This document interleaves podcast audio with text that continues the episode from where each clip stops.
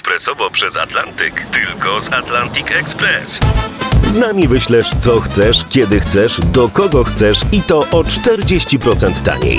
W Atlantic Express wysyłamy wszystko, co chcesz. 1 800 775 7363. Mienie przesiedleńcze, kontenery, paczki do Europy. Atlantic Express to 30 lat doświadczenia i o 40% niższe ceny na wysyłki kontenerów, samochodów i paczek. Ekspresowo przez Atlantyk tylko z Atlantic Express. Stanisława Janickiego. Jeśli kobieta jest szczęśliwa, jest także piękna. Na seksapil składa się w połowie to, co kobieta ma, a w połowie to, co myślą inni, że ma. Człowiek śmieje się z miłości tak długo, póki ta go nie dopadnie. Czyje to złote myśli? Kogoś, kto nazywał się najpierw Sofia Villani Scicolone, ale już wkrótce cały świat znał ją i zna nadal jako Sofię Loren.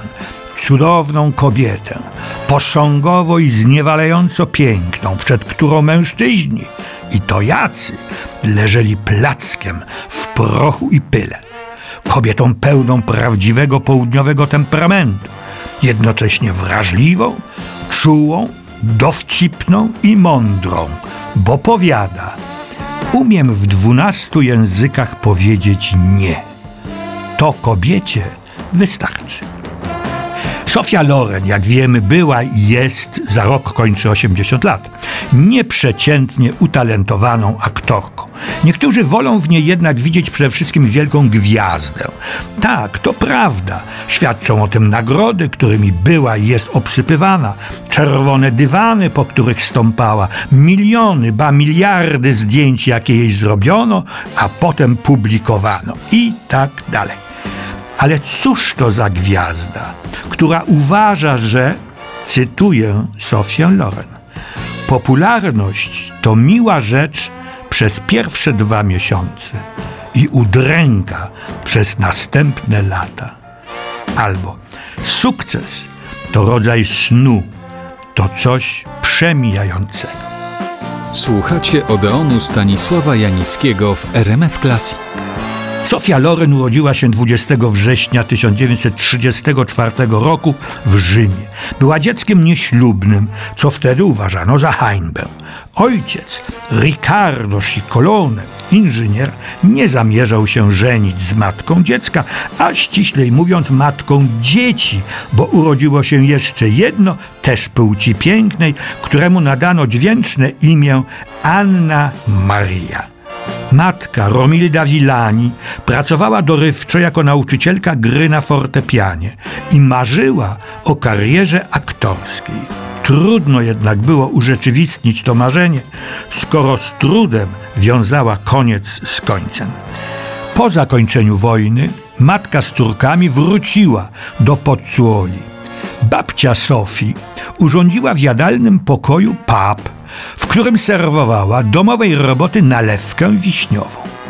Matka grała na pianinie, Maria śpiewała, a Sofia podawała ten szlachetny trunek i zmywała naczynia. Pap cieszył się dużym powodzeniem, jako że niedaleko stacjonowały wojska amerykańskie, bodaj zmechanizowana piechota. Matka Sofii nie mogąc sama zrobić kariery aktorskiej, postanowiła zrobić wszystko, żeby jej córce to się udało, choć Bogiem a prawdą to córka, czyli Sofia, wtedy chciała zostać nauczycielką. Matka stała się jej pierwszą agentką. Czternastoletnia Sofia wzięła najpierw udział w konkursie piękności w Neapolu nie została królową morza, ale doszła do finału i otrzymała nagrodę pocieszenia koronę księżniczki morza.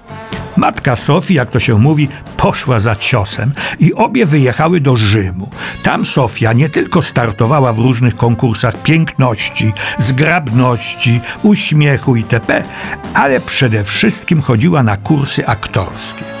Tam też została zauważona przez filmowych łowców talentów i trafiła na ekran. Był rok 1950.